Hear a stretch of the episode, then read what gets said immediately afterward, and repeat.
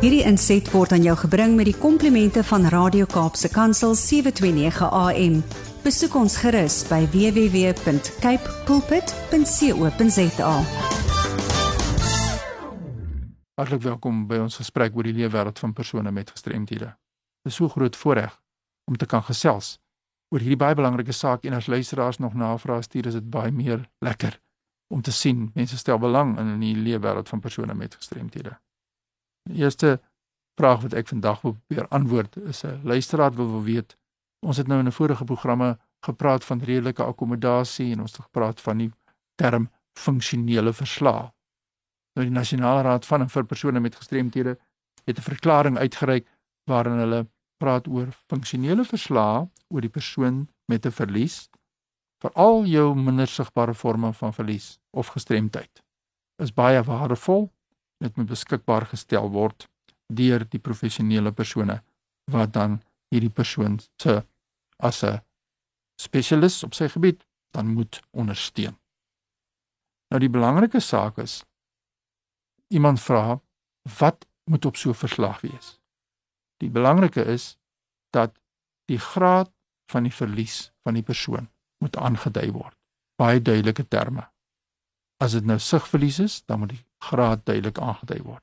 As dit gehoorverlies is, moet die graad aangedui word. Of wat ook al die gestremdheid mag wees. Dan moet dit baie duidelik klinies omskryf word. So met ander woorde, iemand moet kan sê die graad is ek het 80 desibels verlies en dit beteken die kliniese beskrywing daarvan is dat ek 'n in Engels 'n moderate to severe hearing loss het. Ek het 'n middelde of 'n ergste vorme van verlies, so dit moet baie duidelik uiteengesit word. Maak nie saak wat die gestremdheid is nie. Die derde ding wat die funksionele verslag moet hê, dit help nie net om 'n kliniese verduideliking te gee van jou gestremdheid nie. Jou familie moet verstaan wat het met jou gebeur. Dit moet die funksionele impak aandui. Dit help nie om vir my gesin te sê dat ek op 'n kliniese wyse het ek soveel desibels verlies of so hoë frekwensies nie. Hulle verstaan dit in elk geval nie. My familie moet verstaan dat as gevolg van sekere frekwensies wat ek nie kan hoor nie, beteken dit in die praktyk in my geval dat ek nie kan hoor as iemand 'n 'n deurklokkie lui nie. Daai hoë klanke, daai ping pong klank van die deurklokkie. Ek kan dit nie hoor nie. Maar ek kan wel hoor as iemand aan die deur klop want dit is 'n lae frekwensie die klop van die vinger op die deur nou soos dit vir enige vorme van gestremdheid as iemand 'n persoon is wat geïdentifiseer is met skizofrenie of bipolêre angsversteuring of of angs as sulks dan moet die familie nie 'n kliniese mediese beskrywing kry wat met die persoon gebeur het en hoekom dit gebeur het alleen nie saam daarmee moet gaan 'n funksionele verduideliking wat die persoon kan gebruik en verduidelik by sy huis. Sien nou maar iemand gebruik medikasie as gevolg van 'n psigososiale gestremdheid. Dan moet die dokter of die spesialis 'n duidelike aanduiding gee wat is die impak op die persoon in terme van sê nou maar moegheid. Dat hierdie persoon raak miskien gouer moeg as gevolg van die medikasie en dit beteken dat hierdie persoon gereelde breuke moet kry by die werk. Dit is 'n funksionele impak en nou noem ek 'n gereelde breek moet kry by die werk om te kan bietjie rus. Maar miskien maak 'n mens die werksure bietjie aan langer of mens pas die werksure miskien aan. As die persoon daardie aanbevelings op die tafel het komende van die gesondheidskundige, maak dit die pad so maklik want dan weet almal presies wat is die spesifieke gestremdheid Wat is die kliniese beskrywing daarvan? Wat is die impak en watter aanpassings of voorstelle kan miskien oorweeg word? Maar nou kom dit nie van die persoon self af nie.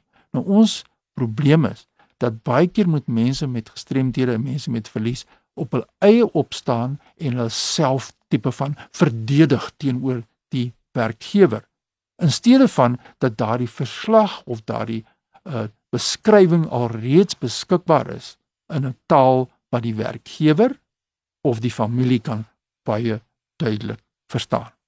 En as mens nou daardie funksionele verslag het wat dan bestaan uit 'n kliniese beskrywings en aanbevelings wat kom van 'n kundige maak dit tog die pad so maar makliker vir daardie persoon wat net teruggaan moet na werk toe en hom vir sy werkgewer te moet verduidelik. Want dit sê staan reeds deur 'n kundige geskryf op papier. En dan moet 'n mens seker maak dat dit na die regte persoon by die werk geneem word. Baie keer word goed gegee vir mede-kollegas en nie vir die die HR departments as hulle sê die mensehulpbronne en die human resources nie. Dit moet na die regte plek toe gaan. En dan moet dit bespreek word en dan moet daar saam met die toesighouer gesit word en gekyk word. OK. Dan bring ons terug dan by die vorige program wat ons genoem het van redelike akkommodasie. 'n Mens kan nie redelike akkommodasie in die werkplek beding veral met jou minder sigbare forme van gestremdheid as 'n mens nie genoegsame inligting op die tafel het nie. En dit is so belangrik. Mens kan dit nie oorbeklem toe nie. So as jy sukkel om genoeg inligting oor jou gestremdheid te kry of te bekom, stuur my 'n e-pos. Ek kan miskien help om dat ons die professionele persone kan motiveer om seker te maak dat die korrekte inligting op die tafel is. My e-pos is fani.dt@mweb.co.za. En onthou, hoe meer inligting op die tafel beskikbaar is, hoe makliker is dit vir jou werkgewer om 'n besluit te maak in watter mate hy jou kan akkommodeer binne die werkplek op 'n redelike wyse. En dis waaroor dit gaan. Redelik teenoor die werkgewer, redelik teenoor die werknemer. My e-pos is fani.dt@mweb.co.za. Groetens tot 'n volgende keer. Hierdie inset was aan jou gebring met die komplimente van Radio Kaapse Kansel 729 AM. Besoek ons gerus by www.cape pulpit.co.za.